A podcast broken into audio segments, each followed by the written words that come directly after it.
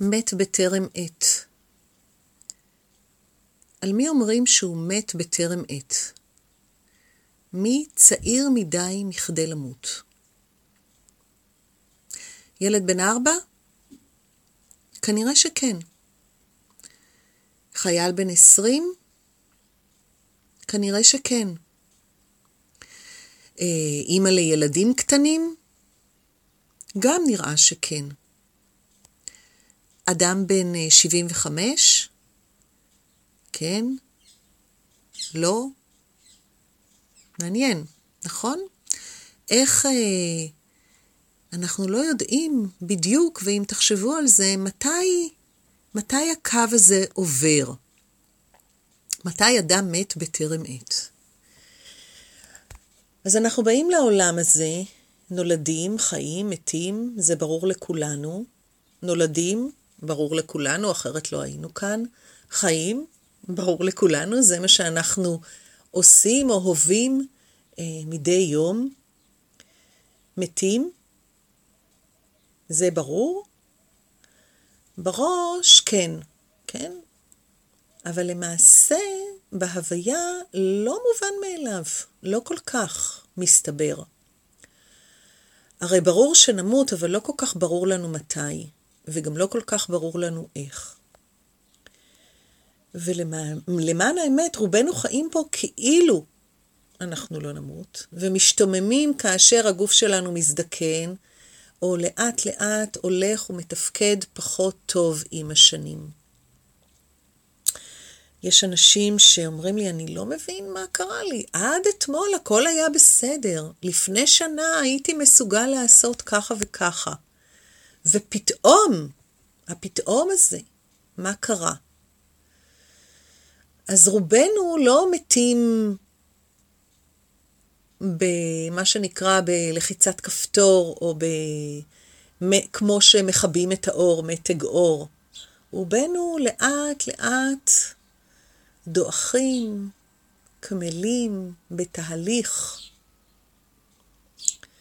והתהליך הזה, קשה לנו מאוד אה, אה, לראות אותו, כי ההבדל ביני, בין, בין איך שאני היום לאיך שהייתי אתמול הוא לא מאוד גדול. אבל איך שאני היום, אה, לעומת מה שהייתי לפני שנה, שנתיים, זה אולי כן. עובדת מותנו אה, מאמתת אותנו עם השאלה בשביל מה אנחנו באים לכאן בכלל. מה התכלית שלנו? זו שאלה קיומית גדולה, ולא אחת אנחנו פוגשים אותה ומהרהרים בה במהלך חיינו. ואם אה, נפקח רגע את העיניים, נראה שלמעשה הרבה מאלה ששקועים בדיכאון עמוק, ואולי אפילו אלה שנוטלים את חייהם בידיהם, אה, מגיעים למסקנה שאולי אין תכלית. אולי אין תכלית. אה, זו שאלה שטובי הפילוסופים התעסקו איתה מאז ומעולם. פילוסופיית היוגה אומרת, יש ויש תכלית. לא תמיד היא גלויה לעינינו. לפני כמה ימים נתקלתי במודעת אבל, שהיה כתוב בה מת בטרם עת, בן 109 במותו. למה הייתה כוונתם של בני המשפחה שלו? אה, אולי שהיה לו עוד הרבה מה לתת ולא נתן, או שפספס משהו שהיה צריך להגשים או לדעת ולא הגשים אותו? או שהם אה, בעצם הצביעו על החוויה האישית שלהם, שמבחינתם הוא מת בטרם עת. בני בן הארבע מת צעיר כל כך, אבל על מיטת מותו חשתי שחוכמתו כה רבה, שהוא כל כך נבון, שמולי לא שוכב ילד, אלא זקן בא בימים. שהילד הקטן הזה, בסך הכל בן ארבע, זרק כל כך הרבה טוב באהוביו ובסובביו, שהוא חווה כל כך הרבה אהבה, אל מול האהבה שהוא פיזר, כמו אבקת קסמים, אבקת פיות, שאין לי צל של ספק שהוא הגשים את תכליתו. יש לנו תכלית גדולה. גדולה מאוד אפילו. אם תחשבו על זה, כולנו נולדים לפה עם איזשהו פוטנציאל אה, ששואף להתגשם. זה הטבע של פוטנציאל. תחשבו על כל הילדים הקטנים שרואים אותם, אה, רואים את הכישרון שלהם ואומרים, יש לו כל כך המון, הרבה פוטנציאל. וכמו שאמרתי, הפוטנציאל שואף מהטבע שלו להתגשם. כל עבודת חיינו היא המאמץ הזה שאנחנו שמים על מנת שהפוטנציאל שלנו יתגשם. בשפה הניו-אייג'ית קוראים לזה ייעוד. אבל זה לא הייעוד הזה. זה לא תפקיד מסוים או מטלה מסוימת. זה לא שהייעוד שלי להיות מורה ליוגה, ורק על ידי זה שאם אני אגשים את הייעוד שלי, הפוטנציאל שלי יתגשם. הפוטנציאל שלנו הוא הרבה יותר רחב מתפקיד אחד ספציפי.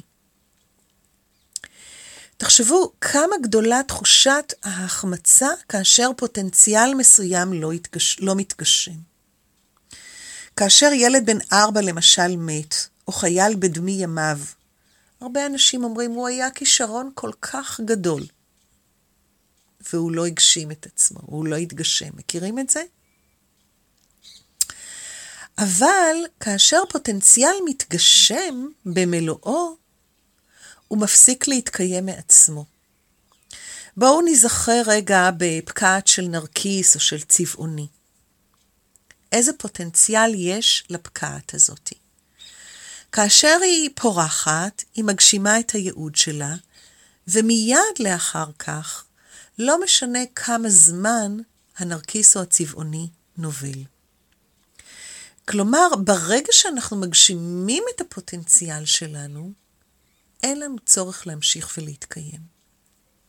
וזו המחשבה שלי על בני בן הארבע, שהיה בו, כמו בכולנו, פוטנציאל כל כך גדול לאהבה, וכשהפוטנציאל הזה התגשם במלוא אונו, הוא פשוט חדל מלהתקיים. באדם על פי היוגה גלומים שני פוטנציאלים כאלה ששואפים להתגשם. פוטנציאל רוחני, המגלה לו מי הוא באמת, ותרצו, אה, הרבה מהדתות קוראות לזה נשמה, ספיריט, ויש בו גם פוטנציאל חומרי, המגלה מה התפקיד שלו, לשם מה הוא בא לעולם. וכמו שאמרתי קודם, בתפקיד אין הכוונה בלהיות מורה, או להיות הורה, או להיות מנהיג, או להיות שחקן כדורסל, אלא תפקיד אחר, בסיסי וראשוני עוד יותר.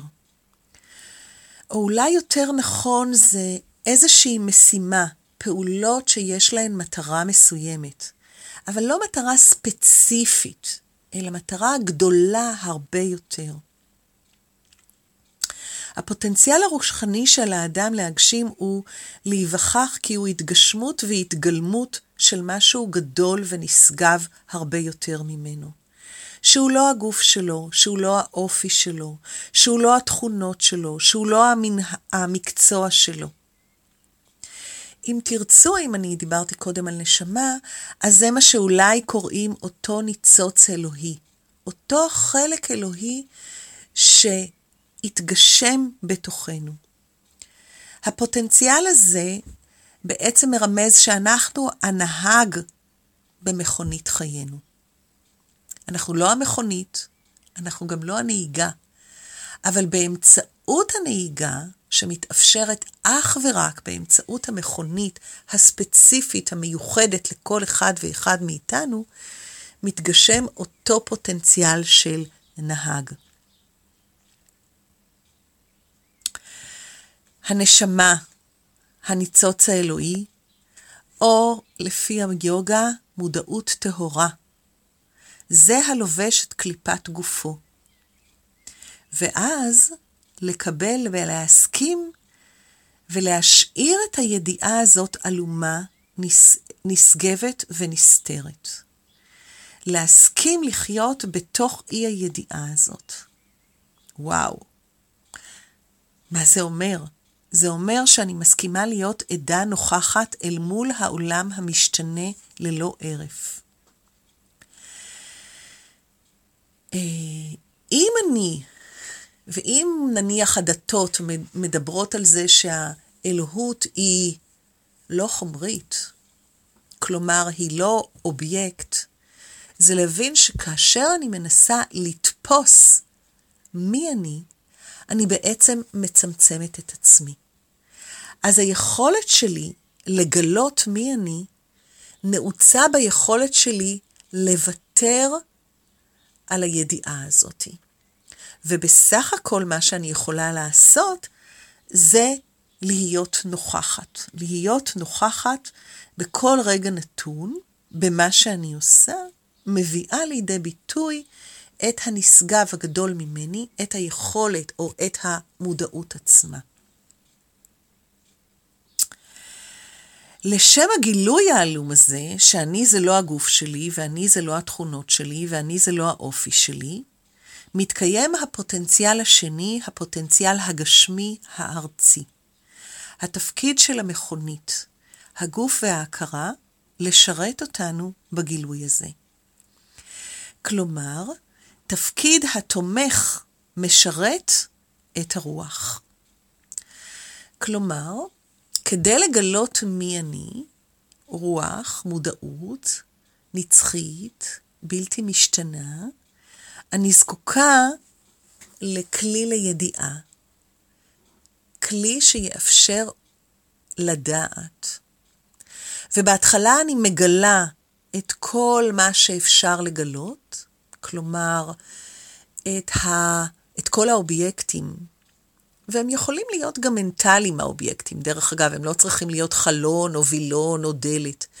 הם יכולים להיות מחשבה או רגש או זיכרון או דמיון, כל דבר שאני יכולה להיות מודעת אליו.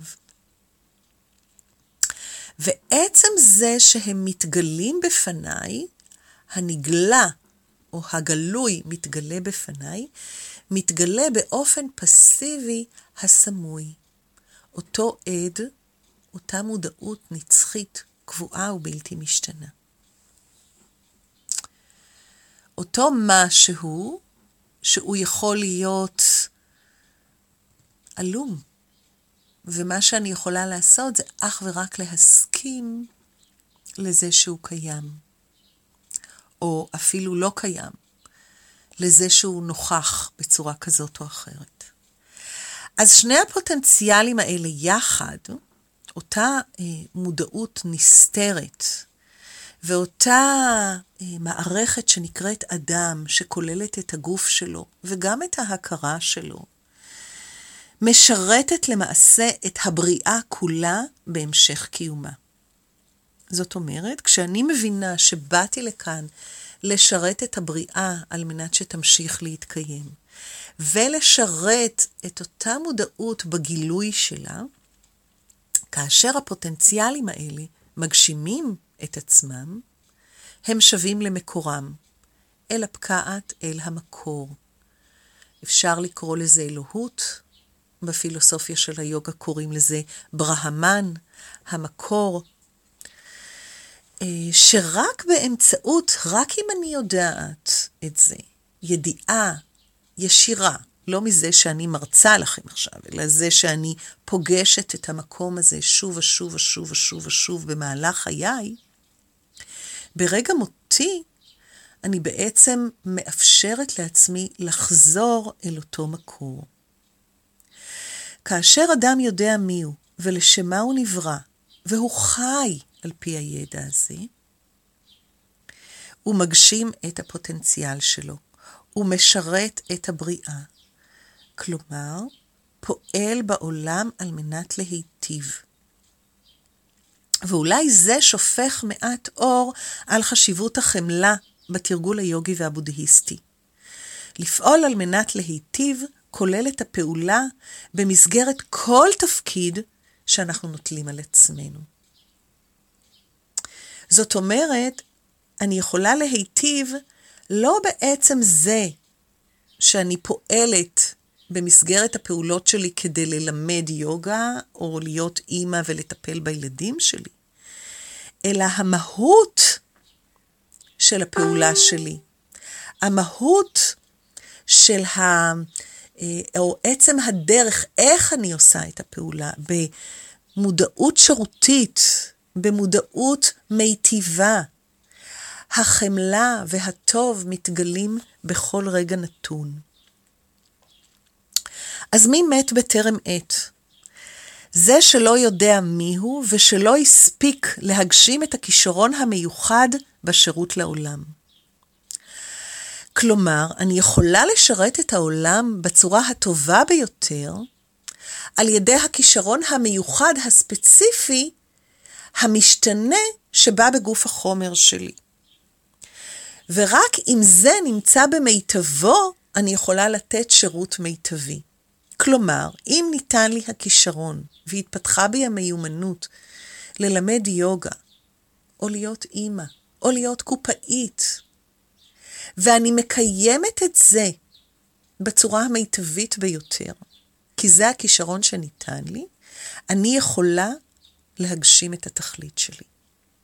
אנשים שהקדישו את החיים שלהם להרבות טוב בעולם, ותמרמו לחברה ועסקו בנתינה אינסופית, הבינו שהתפקיד פה זה לשרת משהו גדול יותר.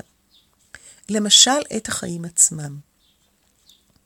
הגשימו את תכליתם פה כמכוניות שרת לכוח גדול יותר, כוח החיים. וזה לא משנה אם אני מורה, אם אני מרצה, אם אני פועלת ייצור, אם אני טכנאית מזגנים או טכנאית מחשבים. איך אני עושה את מה שאני עושה, היא הדרך שקובעת את החיבור שלי אל המהות הגדולה יותר. אז לא משנה בני כמה אנשים מתים, הם אף פעם לא מתים בטרם עת. הם משתחררים מתפקידם מכיוון שהוא בוצע היטב עד תום. ומתוך שכך, אדם יכול להיות בא בימים ולמות בטרם עת. בור לגבי זהותו, אנוכי ונבער לגבי תפקידו. ואז, לפי הפילוסופיה של היוגה, הוא יחזור לשם לעוד מחזור חיים, בניסיון נוסף להשלים את הידע שלו בדבר מיהו, ותיתנתן לו הזדמנות לדעת מיהו ולשרת את הבריאה, את החיים, על פי הידיעה הזאת. אז כל עוד אנחנו כאן, ואם אנחנו כבר כאן, בכל רגע נתון אנחנו יכולים להגשים את התכלית שלנו, להרבות טוב בעולם, לשרת, ואז מובטח לנו שלא נמות בטרם עת. תהרהרו על זה, ואני מאוד מאוד אשמח אה, אה, לשמוע את המחשבות שלכם ואת השאלות שלכם. ואני מקדישה את הפוסט הזה באהבה והודיה לאלה שנפרדו מאיתנו לאחרונה ושירתו את הבריאה באהבה ומילאו אותנו בטוב ובפירות היצירה שלהם. ואני מקווה שאלה שנפרדים עכשיו מהעולם, מתבוננים על חייהם באיזשהו רגע של סיפוק ומבינים שלא משנה כמה זמן הם חיו, אם הם חיו בהבנה ובידיעה, ואפילו רק חלק מהחיים שלהם, החלק האחרון של החיים שלהם, שזה מה שהם באו לעשות פה, וזה מה שהם באו לדעת, הרי שהם לא מתו בטרם עת. תודה. תודה על ההקשבה.